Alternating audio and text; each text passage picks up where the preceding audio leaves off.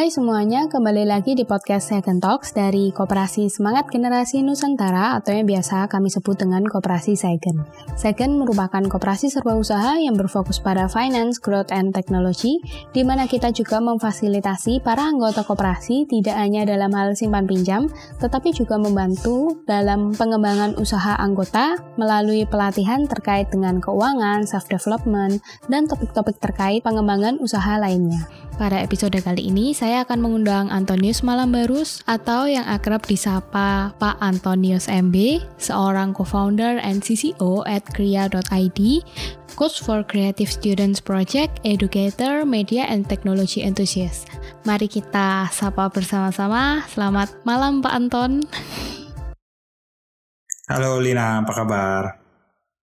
Ya, baik Pak Anton. Pak Anton sendiri apa kabar? Baik, baik, baik. Ya, jadi boleh dong Pak Anton sharing dulu tentang apa sih yang dikerjain sama Kria sekarang, visi misi terutama buat dunia pendidikan gitu. Oke, okay, uh, jadi Kria ID itu akan mengarah ke social enterprise uh, yang mana fokusnya kita pada anak-anak, anak muda dan edukator. Jadi concern utamanya adalah di tiga di tiga bagian. Yang pertama adalah edukasi, kedua profesional industri, dan yang ketiga media dan teknologi.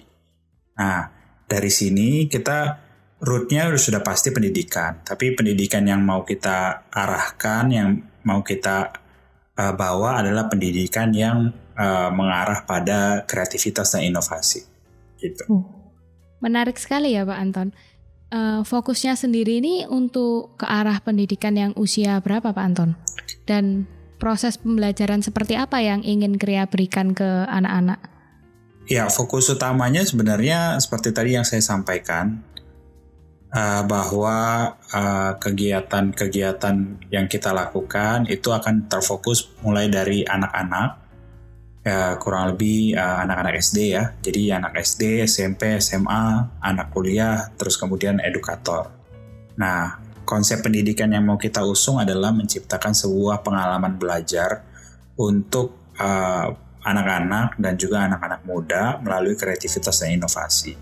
Sedangkan di sisi lain, edukator sendiri adalah kita tahu bahwa pendidikan itu kan ujung tombaknya ada di edukator itu sendiri, sehingga edukator mm-hmm. itu adalah menjadi bagian dari uh, apa ya uh, target yang akan kita sasar untuk di apa di develop dengan baik gitu sehingga uh, tadinya yang capaian kita pada uh, fokus di anak-anak dan anak-anak muda ini juga bisa disokong dari uh, uh, sumber daya manusia yang uh, berkualitas juga gitu yang fokusnya sama dengan yang mau Oh oke okay. nah apa tantangannya Pak Anton selama ini terutama kan ini kita sedang mengalami masa pandemi corona sedangkan akibatnya proses belajar mengajar itu tidak bisa berjalan se seperti biasanya. Apa ini tantangan sebagai tantangan para edukator ini dalam menghadapi masa seperti ini? Ya, yang pasti uh, tantangannya kalau saya lihat sih di di seluruh penjuru dunia itu kurang lebih sama ya. Karena yang awalnya kita bertatap muka langsung, terus kemudian bertemu di sekolah, bertemu secara fisik, sekarang uh, itu menjadi sesuatu yang tidak bisa dilakukan gitu sehingga uh, ada metode tertentu atau pendekatan-pendekatan dari sisi uh, pengajaran misalnya atau dari sisi pembelajaran yang harus diadaptasi, diubah sedemikian rupa sesuai dengan kebutuhan saat ini. Nah, uh, ternyata untuk mm -hmm. mentransformasi ke arah sana uh, itu menjadi satu tantangan yang cukup menantang gitu untuk uh, para edukator sehingga yang kami lakukan sekarang sebenarnya adalah tidak semuanya di online kan artinya ya kalau sekarang uh, kita lihat seperti berlomba-lomba uh, mengarah ke digital semua tapi bisa jadi sebenarnya yang di diarahkan tidak melulu digital tapi juga ada yang uh, mm -hmm ya kalau kita sebut tuh online dan offline ya. Jadi ada online-nya, ada offline-nya. Gitu. Hmm, bentuknya seperti apa Pak Anton untuk offline-nya sendiri? Sedangkan kan kita sedang physical distancing gitu. Ya, jadi model pembelajarannya sekarang di diubah yang uh, kita harus coba memetakan mana kegiatan-kegiatan yang bisa dilakukan secara online dan mana kegiatan-kegiatan yang bisa dilakukan secara offline. Tentunya kegiatan-kegiatan yang dilakukan secara offline untuk anak-anak yang usianya masih sangat muda, maka harus ada pendampingan dari orang tua atau dari orang dewasa di rumahnya. Kegiatan-kegiatan offline itu akan diarahkan kepada pembelajaran mandiri. Jadi eh, kegiatan pembelajaran yang sebelumnya sudah dipersiapkan oleh uh, para edukator untuk anak-anak untuk dilakukan di rumah. Sedangkan kegiatan-kegiatan online-nya itu fokusnya lebih ke tatap muka yang nantinya itu bisa jadi semacam mentoring atau coaching atau diskusi secara langsung. Jadi ambil contoh misalnya begini. Ada satu model ada satu uh, hal yang mau dipelajari misalnya tentang uh, topik A misalnya. Nah, topik A ini mungkin bisa dipersiapkan terlebih dahulu oleh para edukator tentang kegiatan-kegiatan apa yang bisa dilakukan oleh anak-anak atau peserta didik di rumahnya dulu. Nah, nanti kegiatan-kegiatan ini kemudian di-record atau di-capture sedemikian mm -hmm. rupa bisa juga dilakukan observasi oleh orang dewasa yang ada di rumah bersama dengan anak. Nanti baru setelah itu bisa didiskusikan ketika tatap muka secara online. Nah, sehingga dalam kondisi-kondisi yang sekarang, um, banyak hal yang pada akhirnya kita lakukan efisiensi. Misalnya koneksi internetnya mm -hmm. tidak akan sebesar uh, connect apa penggunaannya tidak akan sebesar ketika dilakukan secara online semuanya. Yang kedua, anak-anak juga menjadi lebih tidak lebih capek, tidak lebih capek ya, jadi lebih santai gitu uh, de dengan kegiatan ini. Karena sekarang uh, ya kita nggak bisa kita tadi seperti yang saya bilang kita nggak bisa mengubah seluruh kegiatan yang tadinya dilakukan di sekolah kemudian semuanya di online kan ambil contoh misalnya kegiatan di sekolah anak-anak biasanya di sekolah itu dari jam berapa sih? Biasanya dari jam mm -hmm. setengah delapan sampai jam 3 misalnya. Maka uh, kalau itu semua di online kan wah itu bisa bengkak biayanya kan kalau dari sisi pembiayaan. Tapi kalau dari sisi psikologis juga uh, saya sendiri misalnya saya punya meeting yang berurutan terus melalui uh, apa platform-platform online itu justru justru juga bikin kita jauh lebih capek gitu dari yang dari yang sebelumnya sehingga ini harus diatur harus di map mana yang sifatnya kegiatan yeah. bisa dilakukan offline lalu kemudian kegiatan-kegiatan mana yang dilakukan secara online secara uh, pedagogi uh, artinya secara di dunia pengajaran ini biasanya disebut sebagai blended learning. Jadi ada yang di online kan dan ada yang di offline kan. Bagaimana caranya kita memetakan ini adalah kegiatan yang cocok offline dan online? Maksudnya secara durasi waktu juga. Jadi supaya nggak overwhelm juga. Misalnya kayak saya tadi kan ngomong kalau banyak sekali meeting online itu juga bahkan lebih melelahkan daripada kita berada di tengah yang kondisi normal yang kita nggak ada online-onlinean gitu. Sebenarnya sih tak bergantung kebutuhan ya. Ada beberapa sekolah yang kalau saya lihat itu uh, apa rata-rata dilakukan per slotnya atau per sesinya itu untuk anak SD sekitar eh, uh, 30 sampai 40 menit gitu. Terus kemudian kalau yang lebih dewasa kalau misalnya seperti uh, anak SMA atau SMP itu per slotnya biasanya sekitar 75 menit. Kayak gitu. Ya 75 sampai 90 menit. Jadi bergantung dari uh, masing-masing uh, ya. Ini belum sebenarnya belum ada patokan secara khusus sih ya secara uh, apa namanya penelitian tertentu yang mengatakan bahwa oh ini yang uh, paling tepat gitu. Bukan bukan ke arah sana tapi lebih lebih kepada bagaimana pendidikannya itu bisa dimanfaatkan dan dimaksimalkan dengan baik. Jadi setiap sekolah bisa memiliki cara yang berbeda ya untuk membawa pendidikan ini ke anak-anak di masa pandemi ini. Betul betul. Uh, harusnya begitu karena uh, sekali lagi tidak ada aturan baku bahwa setiap orang harus bisa bertahan berapa lama di di depan hmm. laptop misalnya atau di depan komputer atau di depan layar. Tapi uh, secara kesehatan kan juga sebenarnya itu ada pengaruhnya juga misalnya dari mata yang harus selalu melihat ke, ke layar hmm. gitu dan lain sebagainya gitu. Jadi itu juga perlu dijadikan pertimbangan itu sih. Kalau perubahan yang dialami Kria sendiri gimana selama ini Pak Anton? Selama COVID ini? Um, ya berusaha untuk survive pastinya ya. Kalau uh, di kondisi yang sekarang sebenarnya uh, pada dasarnya kan kalau yang dikerjakan Kria itu uh, sedikit berbeda dengan yang dilakukan di sekolah -hmm. pada umumnya karena kalau yang dilakukan Kria fokus utamanya kan lebih ke pembangunan uh, skill juga value.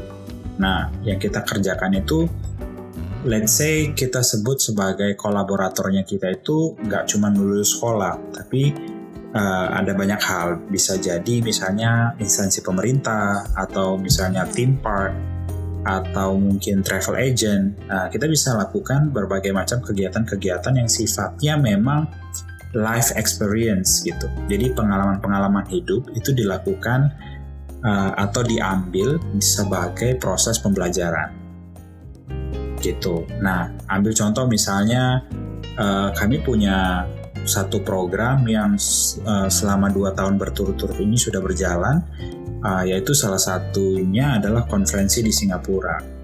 Misalnya seperti itu. Nah, biasanya di masa-masa yang di bulan-bulan ini tuh adalah bulan-bulan di mana kita justru banyak beraktivitas di luar negeri, bukan di Indonesia sendiri.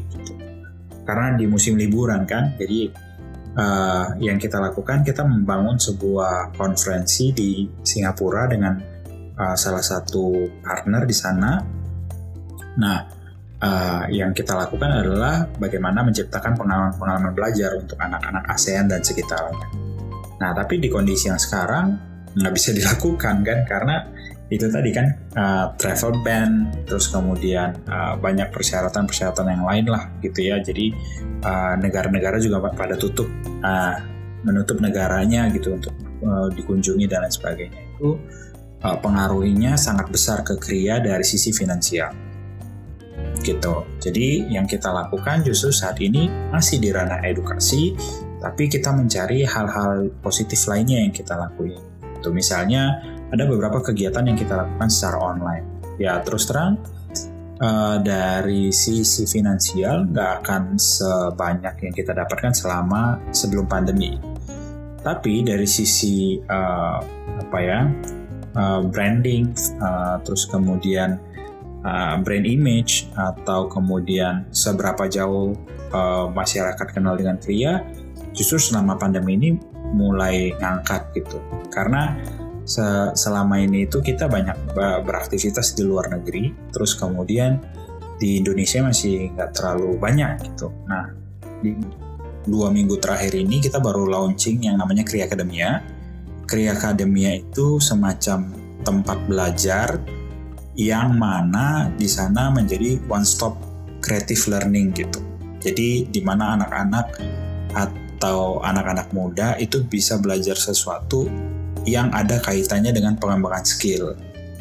Nah, walau uh, skill yang dimaksud di sini macam-macam, bisa jadi hard skill, soft skill, dan juga akan uh, fokus juga pada pembangunan value ke anak-anak. Jadi uh, jadi yang kita lakukan misalnya menulis, kemudian ada coding, ada uh, menggambar, uh, bahkan ada dance, ada ada kegiatan-kegiatan lain yang fokusnya lebih fun ke anak-anak atau anak-anak muda, tapi mereka bisa belajar sesuatu tuh di situ. Nah, ambil contoh misalnya salah satunya hari ini kita baru selesai belajar bahasa Korea, tapi lagi-lagi belajar bahasa Korea bukan hanya melulu pada bahasanya itu sendiri, tapi kita juga mempelajari karakter dan budaya dari Korea itu sendiri. Misalnya, itu salah satu contoh. Gitu. Wah, jadi seru banget nih ya, seru. Kita nggak hanya belajar online-nya tuh terbatas pada pelajaran akademik, tapi bisa belajar macam-macam ya ini kayak di Kria Akademia ini. Ya, Gimana sih cara supaya kita itu bisa tetap menyampaikan value dari perusahaan kita? Kayak misalnya Kria ini kan memang di saat seperti ini justru semuanya online kan jadi banyak yang lebih kenal nih secara online. Gimana cara supaya value-value itu bisa sampai ke audiens itu dengan baik gitu? Gimana cara Kria untuk menyampaikannya? Uh, untuk saat ini memang kita pada akhirnya uh, bermain di uh, digital ya. Jadi mm-hmm. digital dalam arti dengan kondisi yang sekarang orang-orang uh, lebih aware terhadap perkembangan teknologi. Nah, uh, di sana memang kita menggunakan media sosial untuk mencapai audiensnya. Audiens di sini artinya bisa jadi misalnya uh, apa bisa jadi kita boleh sebut misalnya customer atau klien misalnya di di, mm -hmm. di ranah bisnisnya. Tapi di satu sisi memang uh, secara partnership lagi gila-gilaan nih di masa pandemi. Ya jadi kita bisa terhubung sama uh, orang baru di Amerika, terus tiba-tiba bisa terhubung dengan orang-orang baru di Brazil, terus kemudian di Cina dan lain sebagainya yang mana ada beberapa kegiatan-kegiatan yang kita lakukan. Nah, tadi saya sempat menyinggung bahwa arahnya Kria ID ini adalah fokusnya di social enterprise. Jadi di samping kita making money, tapi juga kita creating value. Gitu. Nah, dalam implementasinya kita juga kita punya dua bagian kegiatan. Yang pertama kegiatan non profit dan yang kedua adalah kegiatan profit gitu. Nah sejauh ini uh, kalau kita permasalahan memang di masa di masa-masa pandemi seperti ini tuh setiap kali kita mau uh, minta orang beli sesuatu itu rasanya kayaknya susah gitu. Maka kita mulai kita mulai menyeimbangkan gitu. Ada uh, Kriya ID punya kegiatan-kegiatan yang for free. Uh, jadi misalnya selama liburan ini uh, Kriya ID punya uh, kegiatan uh, for free selama weekend untuk anak-anak.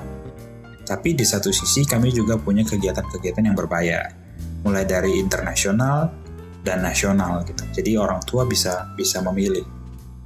Strateginya sementara ini sih dibuat seperti itu dan mencapai jangkauan ke audiens sekarang uh, kita lebih proaktif ya ke ke end customernya. Jadi end customernya di sini itu ya orang tua gitu karena dalam dalam kondisi yang sekarang ini pun kalaupun misalnya kita kerjasama misalnya dengan sekolah ya lagi-lagi ujungnya kan ke orang tua gitu. Nah kita mencoba uh, bagaimana caranya bisa mengakses komunitas-komunitas orang tua ini di di apa namanya di komunitas-komunitas online gitu. Lalu kalau dari sisi edukatornya, Sir, juga dari sisi muridnya juga sih.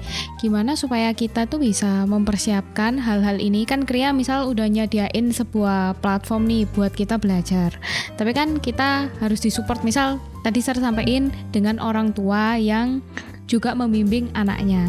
Selain itu kira-kira apakah ada sesuatu proses lain supaya ini juga berjalan lancar? Bagaimana supaya kita bisa make sure uh, murid ini bisa menerima apa yang disampaikan oleh edukator ini dengan baik. Cara tesnya tuh gimana? Uh, ID tuh punya satu program for free untuk edukator yang kita lakukan selama hmm. uh, setiap bulan itu satu kali. Namanya Educators Meet Talk. Jadi Educators Meet Talk ini adalah satu bagian dari uh, project sosialnya Kria ID untuk edukator yang mana di sini mm-hmm. itu uh, di Educators Meet Talk uh, para edukator itu bisa menjadi pembicara sekaligus jadi pendengar atau partisipan gitu.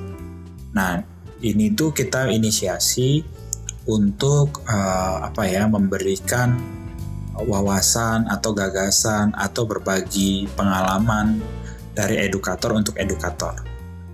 Nah, cuman okay. bedanya uh, ya ada hikmahnya ya. Kalau dua tahun terakhir ini memang kita buat educators meet talk itu cuman terkungkung atau terfokus pada di pada Surabaya aja gitu. Tapi selama uh, kondisi yang sekarang justru jadinya mendunia. Artinya kita sasarannya ke internasional gitu.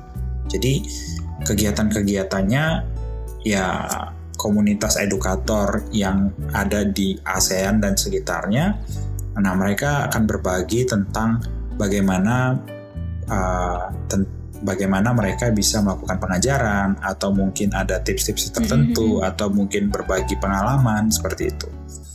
Nah, salah satu partnernya kami yang ada di Medan itu nanti yang akan buat Educators Meetup yang versi Indonesianya.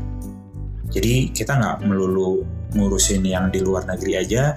Jadi kita siapin uh, ada satu konsep yang saya suka adalah localization gitu. Jadi bagaimana kita berpikir secara global tapi uh, melakukan sesuatu di lokal gitu. Itu kalau dari sisi edukator ya. Nah, kalau dari sisi anak-anaknya sendiri itu tadi kita mencoba juga menyiapkan beberapa program-program yang cukup menarik untuk anak-anak untuk belajar dipelajarin dan yaitu tadi ada yang internasional ya kita punya, yang nasional kita pun juga punya, terus kemudian yang berbayar kita punya dan yang tidak berbayar juga kita punya. Gitu. Jadi makin banyak varian. Nah, hal yang lain yang kalau saya lihat selama pandemi ini adalah yang kita lakukan itu jadi uh, ada istilah namanya brute force uh, method gitu. Artinya semuanya kita tembakin gitu. Uh, kita tembakin itu artinya di kondisi yang sekarang itu semakin tidak jelas uh, marketnya kita ini maunya apa gitu dengan kondisi yang sekarang ini. Jadi kita mencoba mm-hmm. dari dari yang sekarang ini tuh kita men- mulai mencoba beberapa ya kalau di di strategi marketing ada segmentasi ya misalnya.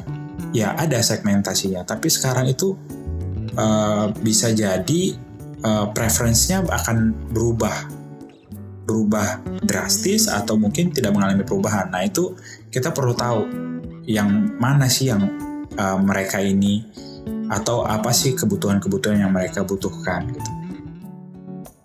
Kurang lebih sih kayak gitu.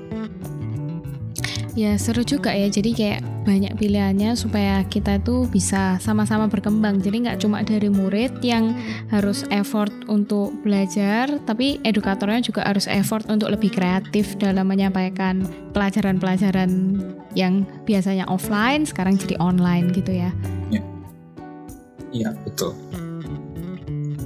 Uh, ya kalau saya sih berusaha mengambil satu poin yang positif dari hal-hal yang terjadi yang ada di sekitar kita gitu. Karena kalau dengan kondisi yang sekarang, ya lagi-lagi uh, yang saya yang saya sadarin untuk masa yang sekarang, uh, sebenarnya ada istilahnya ya. Di, di, jadi yang sekarang itu kita namakan dengan VUCA. Jadi V for volatility, U for uncertainty, C for complexity, A untuk ambiguity. Jadi uh, volatility itu fokusnya adalah pada sesuatu yang uh, speednya sangat cepat ya dengan kondisi yang sekarang. Yang terjadi itu tuh uh, uh, perubahan-perubahan yang terjadi bisa sangat cepat. Kadang itu kita nggak nggak nggak menyadari perubahan-perubahan itu. Tiba-tiba udah sampai mana gitu. Terus kemudian ada uncertainty, tidak pasti. Segala sesuatu tidak pasti. Sekarang itu kita ngelihat uh, hari ini kita ketemu orang, besok mungkin kita udah nggak ketemu lagi orang itu misalnya. Atau mungkin ada kondisi, ya kan, ada kondisi-kondisi lain yang mungkin uh, hari ini tuh kita belajar apa, besok tiba-tiba pembelajaran itu udah nggak ada. Gitu. Ada C complexity. Nah, sesuatu yang tadi sifatnya uncertainty kemudian ditambah dengan problem-problematika yang kompleks tadi. Dia sebenarnya saling saling terhubung satu dengan yang lain. Jadi kalau misalnya kita mau ngerjain satu, akan mempengaruhi ke yang lainnya. Nah, itu kompleks. Lalu A tadi yang tadi saya sebutkan A for ambiguity itu ambigu semuanya. Jadi kalau di digambarkan dengan kondisi yang sekarang itu adalah kondisi yang semuanya serba tidak jelas, serba kompleks, serba berubah-ubah dan dilakukan secara cepat gitu. Nah, sehingga apa yang apa yang harus kita lakukan untuk saat ini adalah ya bukan lagi cuman belajar knowledge-nya atau belajar kontennya, tapi belajar di ranah konteksnya. Gitu. Nah, secara sederhana yang saya sebutkan, yang saya selalu usung adalah belajar caranya belajar. Jadi, uh, ya betul. Jadi belajar caranya belajar, menciptakan caranya menciptakan. Gitu. Nah, jadi yang sekarang dilakukan oleh orang-orang uh, atau yang harus kita lakukan adalah itu tadi. Kita harus memahami betul bahwa setiap proses dalam hidupnya kita itu adalah proses belajar. Misalnya kayak sekarang, saya di interview oleh seorang Lina misalnya. Saya belajar caranya bagaimana bisa menyampaikan uh, jawaban-jawaban atas pertanyaan-pertanyaan yang disampaikan. Saya menyadari bahwa ini adalah bagian dari proses belajar saya. saya. Nah, kalau ini mau ditarik kegiatan yang yang seperti ini, ini bisa masuk ke bahasa Indonesia misalnya, atau mungkin ke dalam pembelajaran bahasa Inggris misalnya, tapi real, nyata gitu. Kita nggak lagi belajar cuman sekedar konsepnya aja tapi kita nggak tahu ketika diimplementasikan dalam kehidupan sehari-hari itu apa sehingga uh, itu tuh menjadi sesuatu yang nggak jelas lagi kan ambigu lagi nanti buat anak atau buat peserta didik atau buat anak-anak muda gitu. sehingga uh, ini juga akan berpengaruh di proses pembelajarannya maka salah satu saran yang saya mau sampaikan ke edukator adalah carilah kegiatan-kegiatan sederhana yang ada di sekitar, kemudian angkatlah itu menjadi sebuah topik pembelajaran. Jadi uh, sifatnya aktual, nyata. Gitu. Dengan demikian, pembelajaran yang dilakukan itu nggak akan bosen, nggak akan ngebosenin gitu, karena itu tuh terjadi secara aktual. Makanya sebenarnya terus terang saya lebih suka dengan tema Hari Pendidikan Nasional yang diangkat kemarin belajar dari COVID-19. Ya, jadi kalau buat saya belajar belajar dari COVID-19 bukan melulu belajar tentang virusnya, tapi belajar dari aktivitas-aktivitas atau hal-hal yang terjadi yang saat ini bermunculan karena COVID-19. Jadi bukan masalah COVID-19 ini buat saya di pendidikan bukan cuma melulu ngurusin masalah virusnya, tapi masalah-masalah yang muncul akibat adanya virus ini misalnya. Salah satu contoh misalnya, kita nggak bisa ke mana-mana. Kita nggak bisa ke mana-mana berarti kita harus di rumah terus. Kita di rumah terus itu berarti kita bisa belajar sesuatu dari situ apa ya? Gitu. Nah, itu yang saya rasa itu bisa jadi satu satu hal yang menarik untuk anak-anak sehingga dia menjadi lebih aktual kalau bisa dilakukan dilakukan seperti itu. Nah, dengan demikian itu maka kita harus uh, belajar lagi sebagai edukator ya harus belajar lagi gimana caranya bisa menyajikannya dengan baik. Nah, dari sisi anak-anak hmm, dari sisi anak-anak pasti kebanyakan untuk anak-anak yang uh, kinestetik ya dia pas biasanya itu anak-anak yang nggak bisa diem misalnya itu pasti akan sangat bosen banget di rumah maka itu juga perlu jadi satu pembelajaran juga sebenarnya untuk beradaptasi dengan kondisi yang sekarang. Oke, ini bagus banget sih penutupannya. Kita jadi lebih tahu nih tentang aktivitas belajar di kriya.id. Ya, Terima kasih Pak Anton. Nanti buat teman-teman yang mau belajar-belajar, mau kepo tentang kriya.id bisa langsung ke sosial medianya Kriya ya, at kriya.id. Selain itu ada apa, Sar? Ada ruang by Kriya, ada Kriya Akademia. Ya, jadi kita punya uh, kriya.id. Uh, di kita lebih banyak bermain di Instagram untuk saat ini uh, untuk akun sosial medianya di Instagram Kria underscore ID. Terus kemudian kita juga punya ruang by Kria ID. ruang.kria.id sama yang satu lagi Kria Akademia K R Y A Akademia itu disambung semua. Ya. Ya terima kasih Pak Anton. Terima kasih. Ini Sekilas mengenai Koperasi Sigen, Koperasi Sigen merupakan koperasi yang bergerak di bidang simpan pinjam. Selain melayani anggotanya dalam hal keuangan, kami juga memiliki komunitas sebagai wadah untuk saling berbagi untuk teman-teman yang saat ini sedang menjalankan dan atau memulai usaha.